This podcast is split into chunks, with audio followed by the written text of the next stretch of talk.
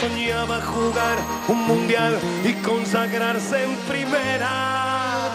Tal vez jugando pudiera a su familia ayudar. ¡Grande Diego! Torque Lab. EAE Business School patrocina aquest espai. Ara en parlàvem amb la Sònia, amb el Salmurri, amb l'Edu i amb el Marcos. Escoltàvem Pedri fent els primers vaticinis, els primers, les primeres porres de, del Mundial, però és moment d'entrar-ho tot plegat al laboratori. Ricard Torquemada, bona tarda. Bona tarda, Jordi. Ganes de Mundial? Home, sí, la veritat és que... Ui, no et veig molt entusiasmat, no? Saps què passa? Que aquesta boira que tenim permanentment de on es juga el Mundial, Ja, sí, ens raó. afecta a tothom. Tens jo crec raó. que, no? Sí, sí, jo, tens raó. Jo, a vegades tinc Fa, com el... fa com una mica de basarda estar massa entusiasmat.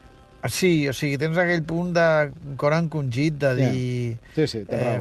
Eh, hi ha coses que... Bueno, bé, eh, coses que et fan reflexionar, eh, simplement. Sí, sí. Però, però clar, si, si, si sóc capaç de d'aïllar-ho i de pensar només en, en el joc i en l'esport, que probablement és el que acabaré fent, perquè lamentablement això ens fa reflexionar només durant un, una estona i Mhm. no durant, durant, durant molt de temps, i si mires i penses després que fa quatre anys a Rússia i després eh, no, els Jocs Olímpics de Pequín i, Sí, sí, bé, i que el futbol i l'esport s'ha convertit en un negoci, eh, encara que vulguem alguns eh, romàntics innocents idealitzar-ho, doncs, doncs, doncs acabes eh, estant en el, en el joc. I, I pel que fa al joc, doncs sí, clar, la meva vida, eh, els mundials sempre han estat punts de referència des de molt petit i, i per tant sempre fa il·lusió. Tot i que també crec que aquest punt que estigui aquí mig camí de la temporada, que és, que és una situació inèdita, però que també m'influeix, no... O sigui, et trobes el Mundial a sobre, no? A diferència dels Mundials que són a, Mhm. al mes de juny, que, que acabes la temporada, fas una pausa i de cop i volta ve la gran, no? el gran bombó de, de la temporada. En canvi, aquest any, de cop i volta, allò, ja, lo- el tens aquí i acabarà i, i continuarem jugant i no sé si sabrem assaborir-lo prou. Bé, això que el Mundial interrompi la temporada de clubs va, va a gustos, en general diria que, que, que no agrada, però ho haurem de comprovar perquè no havia passat mai. I precisament per això et volia fer la, la primera pregunta. Clar, estem acostumats a, a mundials on els jugadors arriben amb una temporada sencera a les cames i al cap i ara tindrem futbolistes, jo diria que, que molt frescos, Mm. això creus que, en, que ens portarà un Mundial de, de més alt nivell que si fos a l'estiu? Mira, saps què passa? Que, que no acabo de...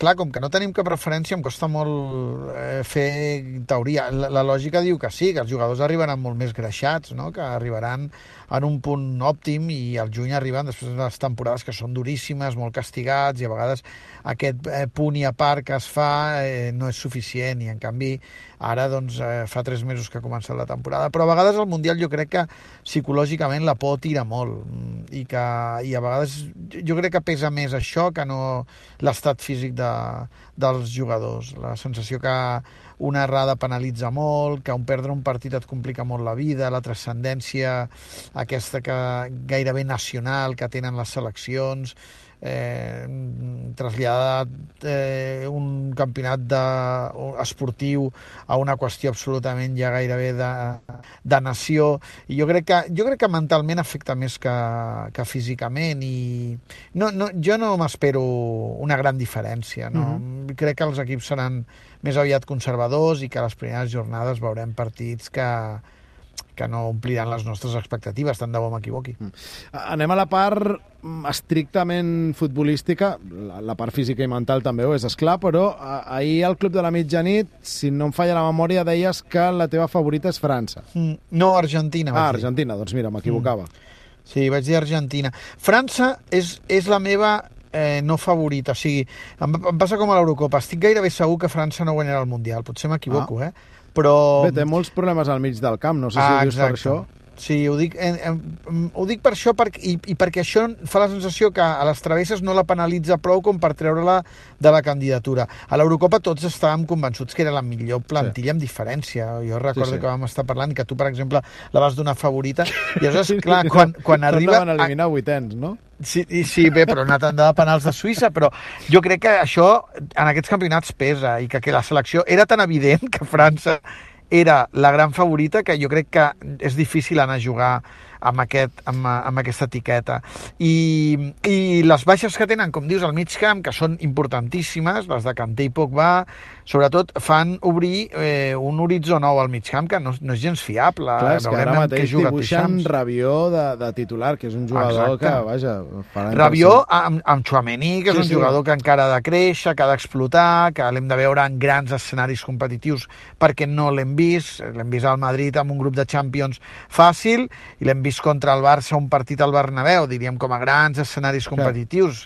Eh, i, i, I si aquesta selecció, que és una selecció doncs, que ja té el pes, diríem, assumit de ser l'actual campiona del món, eh, d'una plantilla de molt nivell, del talent que té, d'Mbappé, eh, si a sobre li prens, diríem, la part d'equilibri al mig camp, que jo crec que per França era molt important per enganxar un bon atac amb una bona defensa, per veure si juga amb trident o no juga amb trident, per, per tenir l'equip que, que sigui un equip sòlid i no un equip que es trenqui.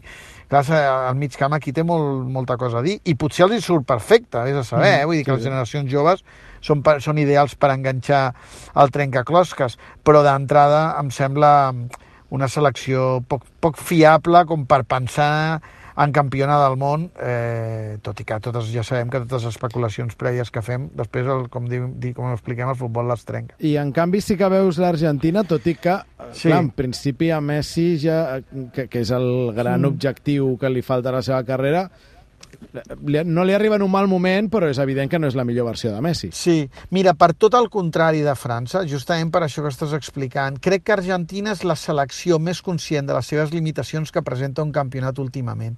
Des que Messi, des del regnat de Messi, a l'Argentina, a més a més, amb, diríem que secundaris de molt nivell, era una selecció sempre candidata i s'ha ja anat estavellant. En canvi, aquesta selecció argentina em recorda més a una selecció eh, estil del 86 amb Maradona, que era una selecció que si repassaves jugador per jugador hi havia poca qualitat individual, poc talent, però en canvi un gran esperit de, d'equip, uns rols molt marcats de, eh, qui, eh, de que s'havia de treballar perquè algú marqués les diferències i tinc la sensació que Scaloni ha tocat la tecla una mica amb això, que ha mm. trobat el punt d'alliberar Messi de segons quines obligacions, però tenir jugadors que poden complir les seves obligacions i les que, i les que reparteix Messi.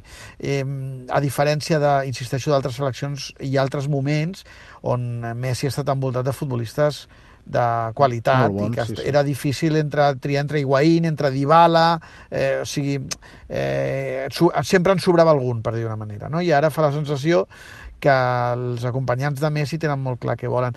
Tot i això, em sembla que són, és una ratxa de, no sé si són 34 partits sense perdre, que això probablement no és la millor manera d'arribar a un gran campionat perquè dius, tens més a prop la derrota. Clar. Però crec que és una selecció més competitiva i com que Messi ha començat bé la temporada i crec que té el Mundial al cap, veurem si fins i tot arriba millor que el 2014, que ho va fer bé però que no va ser el millor Messi, i no, allà sí que es demanava el millor Messi. Eh, vés a saber, potser la pitjor, eh, o sigui, una versió menor de Messi, eh, ara que tothom la té acceptada i fins i tot ell és capaç de, de treure en rendiment. I sempre hi ha aquest punt de pensar que, que, home, que Messi s'ha de retirar en un Mundial, que, que és una absurdesa, o absurditat més que absurdesa, absurditat, però que bé, queda, eh, forma part del, del petit racó de la història. Ens, els que som fans eh, incondicionals de Messi ens faria una certa il·lusió, vaja, perquè per què enganyar-nos? Escolta, acabo, perquè tindrem temps durant tot el Mundial sí. d'anar-ne parlant, però ja que hi som, desmunta'm la, la meva favorita, Brasil. Doncs que que Tite ha d'estar, ha de ser, a tenir precisió quirúrgica, perquè tot, o sigui, a banda de davanters hauria de fer un equip, o sigui, perquè la capacitat de desequilibri i el potencial ofensiu que té el Brasil no el té ningú més, però en canvi és una selecció que eh, tinc dubtes defensius i, i, i, i és una selecció per mi descompensada, una mica el que parlàvem de l'Argentina més exuberant. Mm -hmm. I tinc algun dubte sobre que sobre que sigui, sàpiga gestionar aquest accés de talent, com deia Luis Enrique, del seu trident del Barça. Eh, L'entrenador en aquestes circumstàncies és vital. O sigui, jo crec que l'obra del Brasil depèn molt de Tite, mm -hmm. perquè, curiosament, com més millors futbolistes tinguis i en zones de marcar diferències, més l'entrenador ha de saber eh, trobar els equilibris perquè l'equip mm, es respongui com a equip en totes les circumstàncies i en tots els contextos.